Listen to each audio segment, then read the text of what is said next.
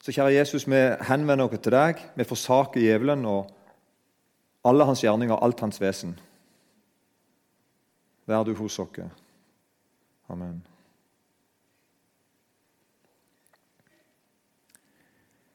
Helvete. Det merkelige er at helvete er et bønnesvar for de aller fleste mennesker i hele verden til alle tider. Uavhengig av om de tror på noe eller ikke, uavhengig av hva de tror på. Helvete er et bønnesvar. Det er en far som roper opp mot en kjent gud, eller en far som roper opp mot ut i ingenting. Er det en bønn eller er det et rop? Det er det det er. Det er et rop om rettferdighet, et rop om hevn, et rop om anerkjennelse av sin egen smerte. Hvorfor skal jeg ha det vondt?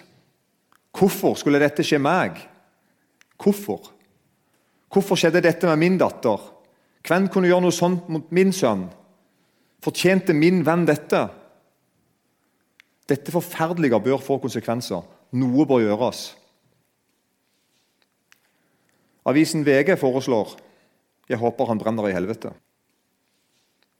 Dette, sto, dette, er en sak som ligger nå på nett. Han ligger der veldig lenge, for det er sånn en teaser-sak. det er sånn en abonnement-låst sak som vi ønsker at, Så vi tenker at dette her er interessant for folk å klikke på. Her er det en lege som har lurt pasientene, og så er da overskriften som sagt, 'Jeg håper han brenner i helvete'. Når vi sier det, måtte han brenne i helvete, for det sier veldig mange folk. Enten rett fram eller inni seg. Og Det er det verste vi kan si, og vi vet det. Og Allikevel så mener vi det av og til, tenker vi.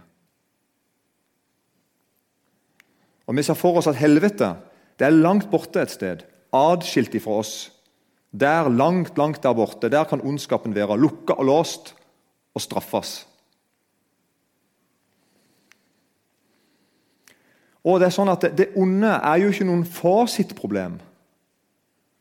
fasitproblem. Det er ikke sånn at de ikke-truende, de som ikke er religiøse eller som opplever seg selv som ateist, eller noe sånt, det er ikke sånn at de ikke opplever ondt. Og Det er heller ikke sånn at de som er religiøse og tror på en eller annen gud, eller enten det er Bibelens gud eller andre guder, så er det ikke sånn at de heller går fri det har ondt. Det onde ser ikke ut til å bry seg om hva du tror på, eller hvem du er. Det rammer blindt, på en måte. Ondskapen er ofte personer. Både enkeltpersoner eller grupper av folk. Ondskapen er liksom ikke bare sånn det tåkesky. Nei, det onde er konkret. Det treffer oss rett inn i livet vårt. Og Derfor tenker vi nesten at helvete kan nesten oppstå nå. I virkeligheten vår her og nå. Vi snakker ofte om helvete i forbindelse med rus, i forbindelse med smerte og i forbindelse med mange sånne fæle ting vi leser om i avisen og hører om, eller opplever sjøl. Og Det er noen sånne store ting som jeg tror nesten alle folk er enige om at hvis noen gang skal bruke et drøyt ord, så er det om sånne ting. Noen store ting, Den største, drøyeste tingen jeg kjenner til i, sånn, i historien, det må være holocaust. I løpet av noen få år fra 1938 til 1945 så blir over seks millioner jøder utrydda, drept, på grusomme måter. Her er et bilde fra noen jødiske barn fra Ukraina. Innestengt. Og Så leser jeg her nå fra Det store norske leksikon, som skriver at jødene var ikke det eneste gruppa som ble forsøkt utslett under, under andre verdenskrig. Og De var ikke den eneste gruppa som nazistene ønska å fjerne. Romfolk eksempel, ble forsøkt utsletta. Og Mellom to og tre millioner sovjetiske krigsfanger omkom som en følge av nazistenes rasepolitikk. og Om lag to millioner ikke-jødiske polakker ble også drept. Og Videre var det målretta tiltak mot bl.a. homoseksuelle, Jehovas vitner, frimurere og individer med mentale og fysiske lidelser. Alle grupperinger som nazistene anså som laverestående. Mine foreldre, som lever ennå, levde mens dette skjedde. Eller krig. Det er utallige kriger, den ene verre enn den andre. Her er det et bilde fra Vietnamkrigen. 9.6.1951 så står ei søster med broren sin på ryggen og håper at hun kan unnfly død og fordervelse. Bildet viser ei, Ei jente med bror sin på ryggen og en gigantisk krigsmaskin stående bak, parkert bak. Forferdelig. Og kanskje en enda sånn nærere ting, og som på en måte aldri tar slutt. Det er sultkatastrofe. Her er en sak fra VG-nett for et par år siden. Jeg siterer 18 000 barn dør hver dag pga. matmangel. 850 millioner mennesker legger seg med en tom mage. Og dette er ikke alt. Se neste setning. Dette er en situasjon verden ikke trenger være i. Hva er saken her? Jo, der er nok mat i verden. De 850 millioner menneskene kunne ha fått mat. Det er bare da noen andre sitter på den haugen med mat og hiver det morkskjetet opp. Det er så ekstremt. Det er så ekstremt, det er så ondt, det er så reinspikka ondt at ord som helvete blir brukt da. Reis og besøk land og plasser der en svelter i hjel. Her er et bilde av en, av en jeg vet ikke om det er gutt eller jente, som er aldeles nær døden. Utmagra.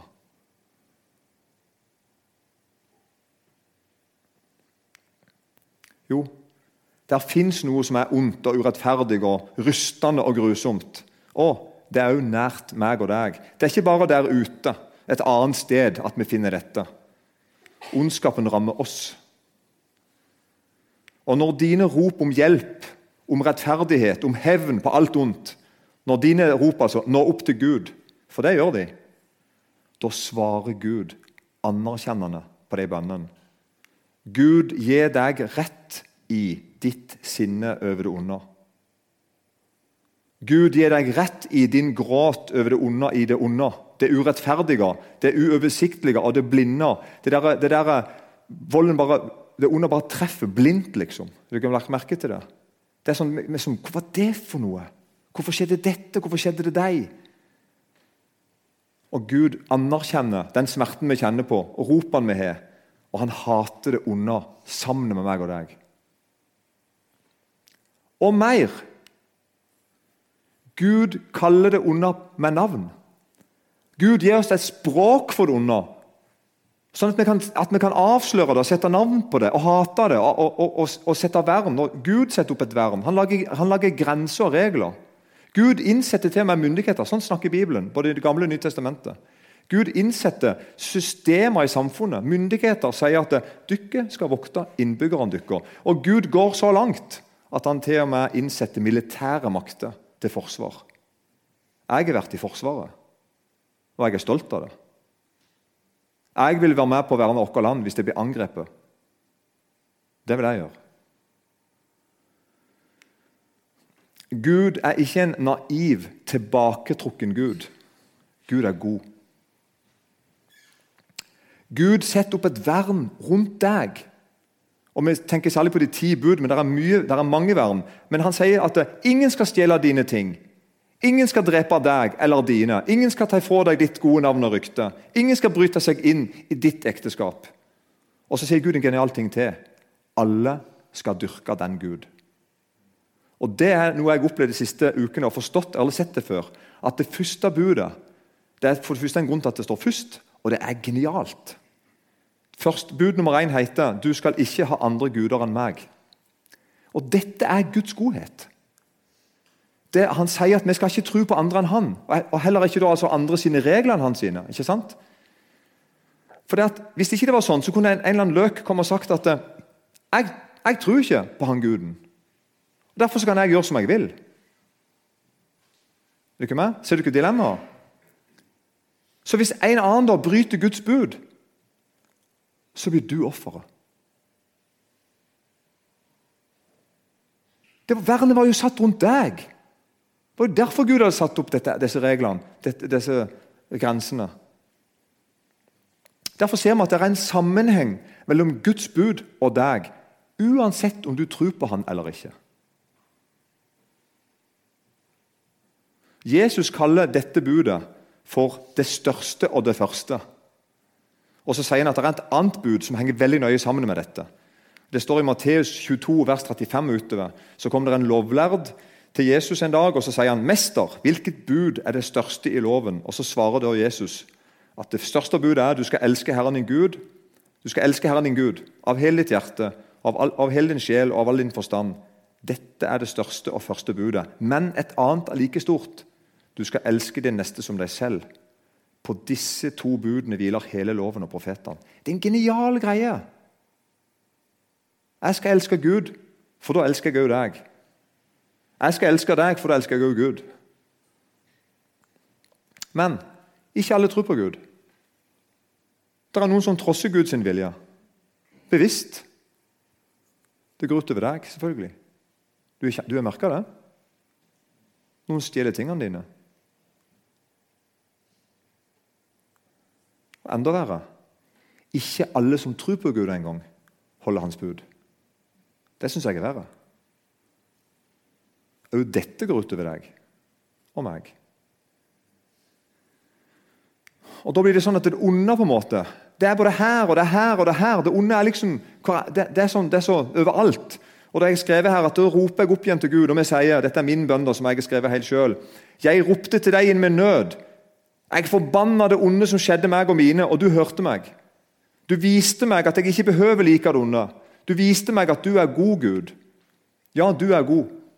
Du viste meg dine bud, at du mener alvor med å beskytte meg. Men det onde er her fortsatt. Har du ikke merka det? Hvorfor Gud? Hva har du tenkt å gjøre med dette, her, Gud?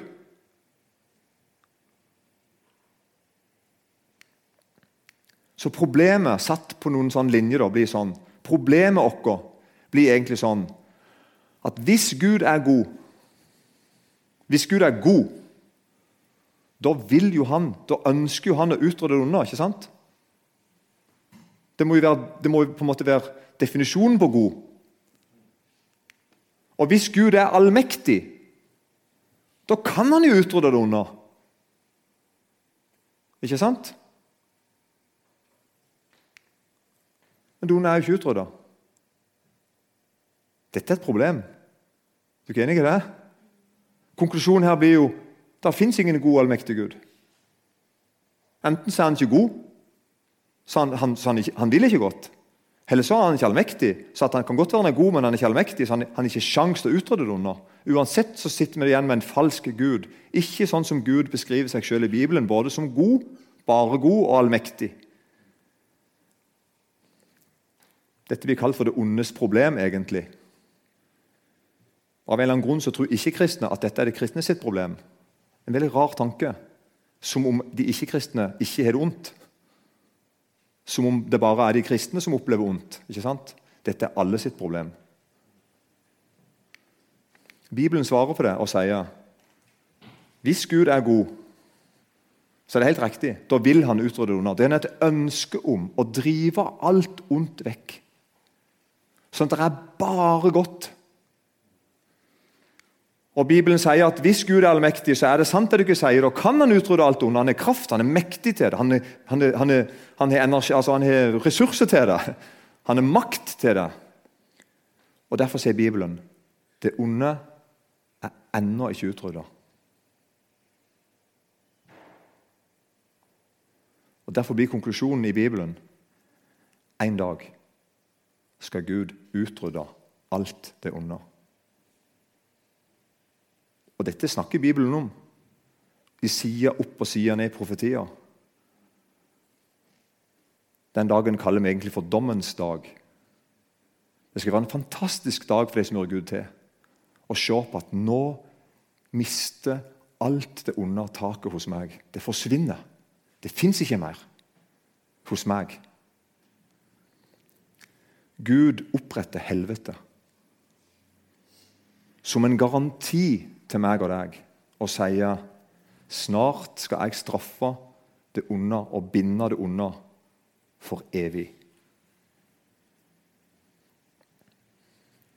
Gud skal holde dom over alt ondt. Helvete er en del av den dommen. Første gang vi møter på helvete i Det nye testamentet, sånn rent sånn kronologisk, hvis du blar i, begynner i Matteus, så kommer du bare til kapittel 5 i Matteus, og i vers 22 så ser du første gang Jesus snakker med en selvfølgelighet om helvetes ild. Hvis du blar litt videre, så kommer du til Matteus 10 og vers 28. Og Da sier Jesus til sine.: Frykt ikke for dem som dreper legemet, men ikke kan drepe sjelen. Frykt heller for ham som kan ødelegge både sjel og legeme i helvete. Hvem er det som kan det?